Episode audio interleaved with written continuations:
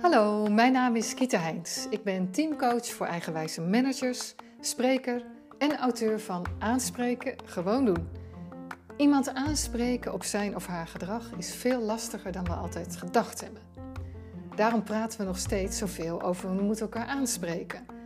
En met al dat thuiswerken in de crisis is het niet eenvoudiger geworden. Het is verleidelijk het lastige gesprek voor je uit te schuiven tot je weer naar kantoor mag, maar daarmee neem je een enorm risico. In deze podcast leg ik je uit waarom en vooral hoe je het nu wel kunt doen, wat de beste manier is, online of via de telefoon. Veel plezier! Een collega loopt zomaar weg tijdens een online overleg en komt vijf minuten later gewoon terug met een dampend kop koffie. Een ander zet halverwege zijn camera uit en twee collega's schieten allebei in de lach nadat je ze op hun telefoon hebt zien kijken. Waarschijnlijk een onderonsje in de WhatsApp. Je ziet ook dat jullie moe zijn. Om het minste of geringste ontstaan eindeloze discussies. Sommige collega's zijn heel veel aan het zenden en anderen zeggen eigenlijk helemaal niks meer. Jij wilt als leidinggevende je team motiveren, maar tegelijk wil je natuurlijk ook aangeven dat het niet acceptabel is dat sommige collega's nu de hele dag niet bereikbaar zijn of dat er niet meer naar elkaar geluisterd wordt. Het liefst schuif je die lastige gesprekken voor je uit tot je weer naar kantoor kan gaan. Maar dat kan nog wel even duren. Hoe pak je dit aan? Om te beginnen, bewaak de balans tussen ruimte geven en grenzen stellen. Tony Schwartz die schreef in een blog voor de New York Times dat veel managers doorschieten in het ene of het andere uiterste. Aan de ene kant te veel eerlijkheid en scherpte, of aan de andere kant te veel compassie. In dat eerste geval praten ze die botte directheid en misschien wel vreedheid voor zichzelf goed door te zeggen dat ze dan eerlijk zijn, zelfs als het contraproductief werkt. En in dat tweede geval, die compassie en een mond houden, dan geven ze geen kritische feedback om conflicten of ongemakkelijke situaties te vermijden. En eigenlijk worden die beide uitersten door de coronacrisis versterkt. Het is een lastig dilemma. We hebben in ons werk eigenlijk allebei nodig. De vrijheid, helemaal nu, met al die kinderen, al dan niet gedeeltelijk thuis bijvoorbeeld. En ook veiligheid. Om veiligheid te creëren moeten we helder zijn en grenzen stellen aan gedrag. Want dat geeft namelijk houvast. Maar om vrijheid te creëren, moeten we juist ruimte geven. Ik heb dat in mijn boek in een mooi figuur samengevat. Ruimte geven leidt tot autonomie en tot vrijheid en daardoor tot uitspreken. Maar als je dat niet begrenst, leidt het tot oneindig uitspreken en klagen. En aan de andere kant zie je in het model een cirkel die begint met grenzen stellen. En grenzen stellen leidt tot veiligheid en helderheid. En dat leidt tot makkelijker aanspreken, omdat iedereen weet wat acceptabel gedrag is en wat niet. Het is dus als leidinggevende niet of direct of dienstbaar zijn, maar en-en. Jouw medewerkers willen graag meedenken, maar verlangen ook helderheid over waar we naartoe gaan en wat jij ervan vindt, zeker nu. Ze willen je kunnen lezen, ook online en via de camera. Daarom is het belangrijk te begrijpen wat je onder deze omstandigheden en die thuiswerksituatie tolereert, maar ook wat voor jou niet acceptabel is. En dan gaat het helemaal eigenlijk niet om wat je zegt, maar vooral om wat je doet of wat je niet doet. Als je, ingrijpt wanneer mensen zonder iets te zeggen weglopen uit het videooverleg, laat je zien dat dit gedrag voor jou niet acceptabel is. En aan de andere kant, als je op zo'n moment niks doet, straal je dus uit: het is oké. En daarmee geef je al die andere collega's direct permissie om hetzelfde te doen. En dus ook gewoon weg te lopen en even een kop koffie te pakken of naar het toilet te gaan. Zonder aankondiging. Maar hoe doe je dat dan? Aanspreken in de coronacrisis, terwijl je elkaar eigenlijk niet kunt opzoeken en online met elkaar moet samenwerken. Ik schreef al veel over hoe lastig het in normale omstandigheden is om elkaar aan te spreken op ongewenst gedrag. En ik heb daar ook al een eerdere podcast over opgenomen. Zes redenen waarom het zo lastig is. Zo hebben we onder andere een ongelooflijke hekel aan het brengen van slecht nieuws en willen we die ander ook geen gezichtsverlies bezorgen.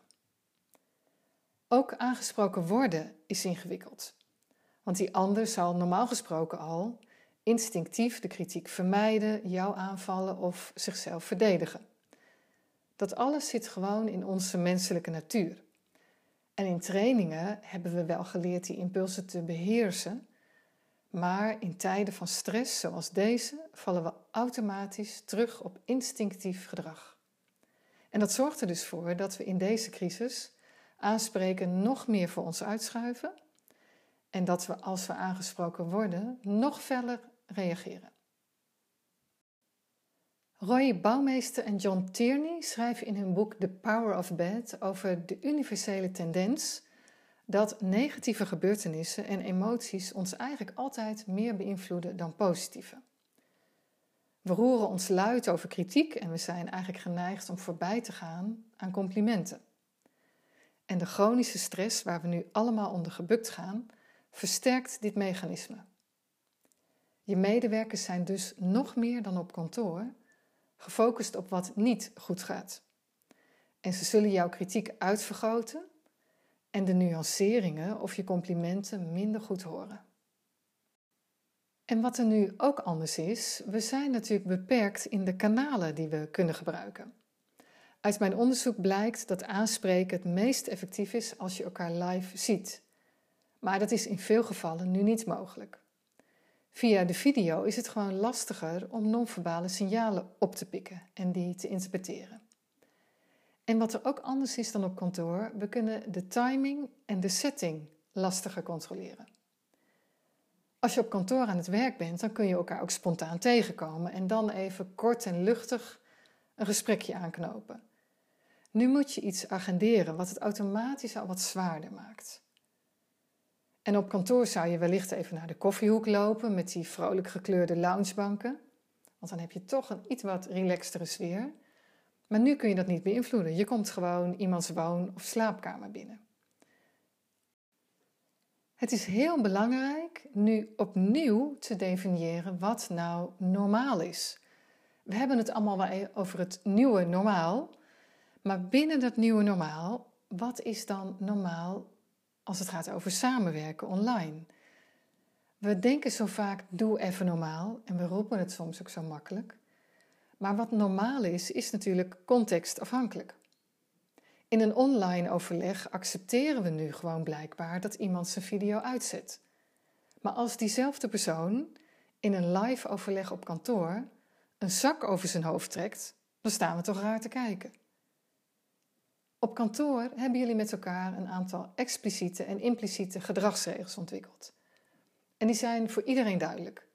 Bijvoorbeeld, we starten op tijd. Dat is meestal expliciet afgesproken. Of we houden het hier altijd gezellig. Dat is meestal impliciet door iedereen zo geaccepteerd. Maar doordat we zo onverwacht in een radicaal andere setting zijn gaan vergaderen, zijn de meeste teams vergeten opnieuw afspraken te maken over omgangsvormen en over samenwerken in deze nieuwe realiteit. Elkaar aanspreken op ongewenst gedrag is echter alleen mogelijk als daar ook afspraken over gemaakt zijn. Alleen als glashelder is wat de norm is, is helder wanneer iemand daarvan afwijkt en heb je dus reden tot een gesprek. Alle andere situaties gaan over persoonlijke heilige graden en over onuitgesproken en ondergronds vaak wedstrijdjes over mijn normaal is belangrijker dan dat van jou. Maak het dus expliciet. Wat is in deze veranderde context binnen jullie team nu normaal? Maar hoe doe je dat dan? Elkaar goed aanspreken als je elkaar niet kunt ontmoeten. Die veranderde context vraagt ook een andere benadering van aanspreekgesprekken. En tegelijkertijd zijn de tips die in de oude situatie werkten nu extra relevant.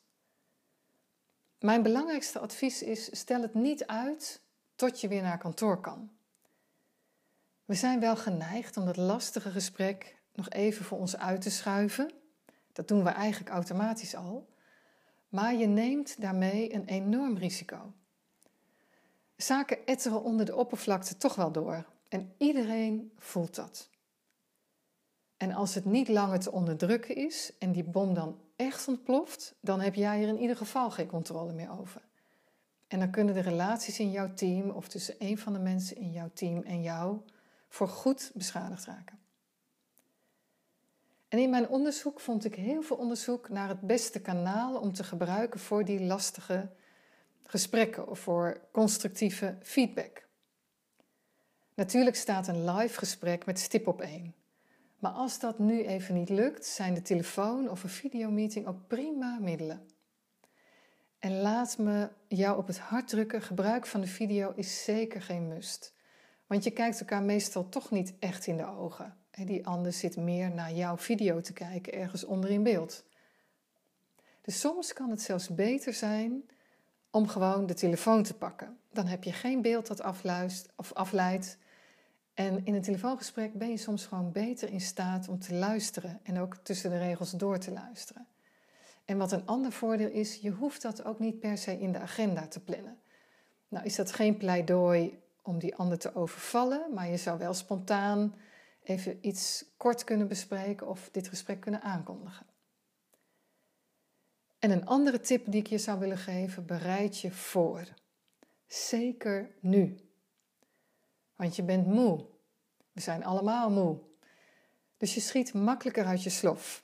Je bent eigenlijk in zo'n aanspreekgesprek dus makkelijker te verleiden tot defensief gedrag, waardoor je eigenlijk niet meer goed kunt luisteren.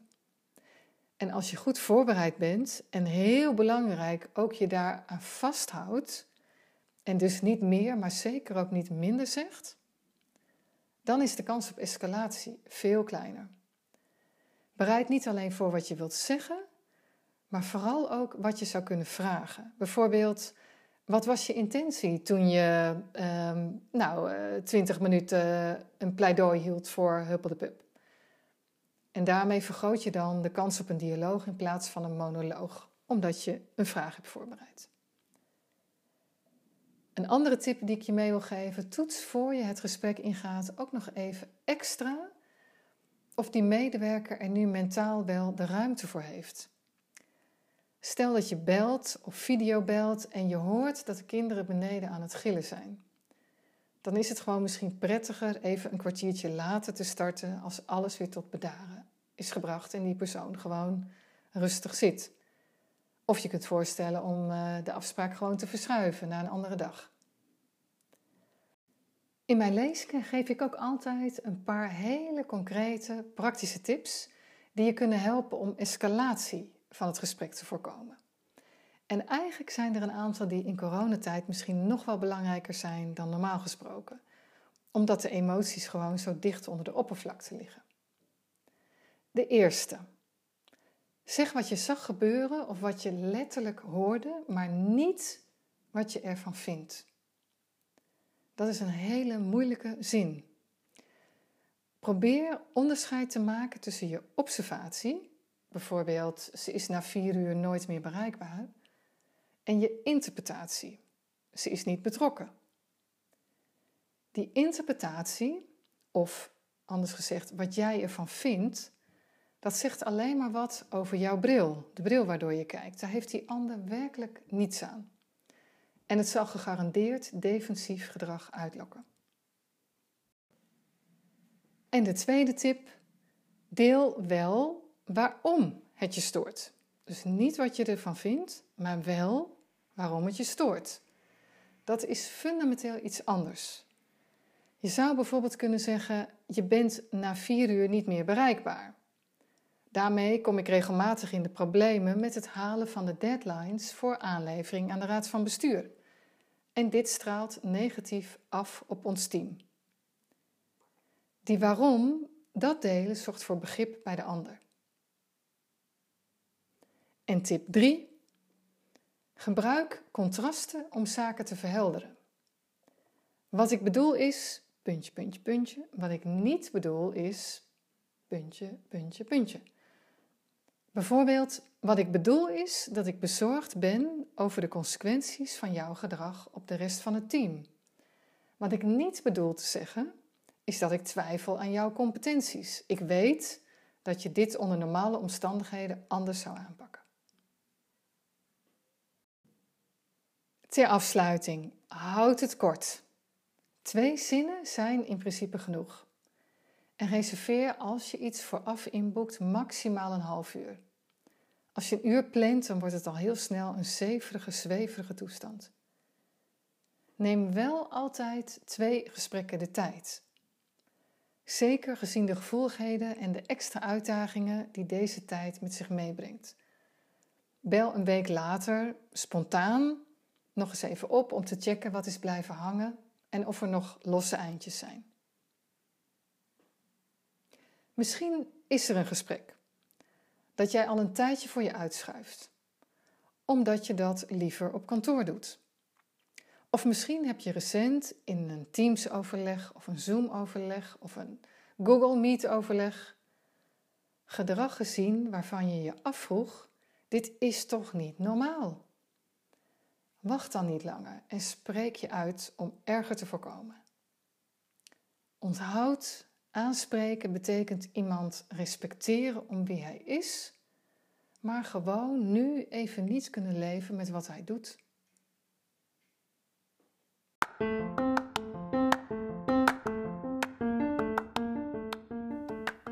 Dank voor het luisteren naar deze podcast. Wil je nou meer informatie hebben over aanspreken? in crisistijd of gewoon daarbuiten als je weer terug kan naar kantoor. Je vindt het allemaal op www.succesvolaanspreken.nl. Dus www.succesvolaanspreken.nl. En mocht je deze podcast interessant vinden, dan zou ik het zeer waarderen als je die ook met anderen wilt delen. En dan zie ik je heel graag terug. Ik zal mijn best doen om nog meer praktische tips voor je op te nemen. Dus heel graag tot horens. Dankjewel.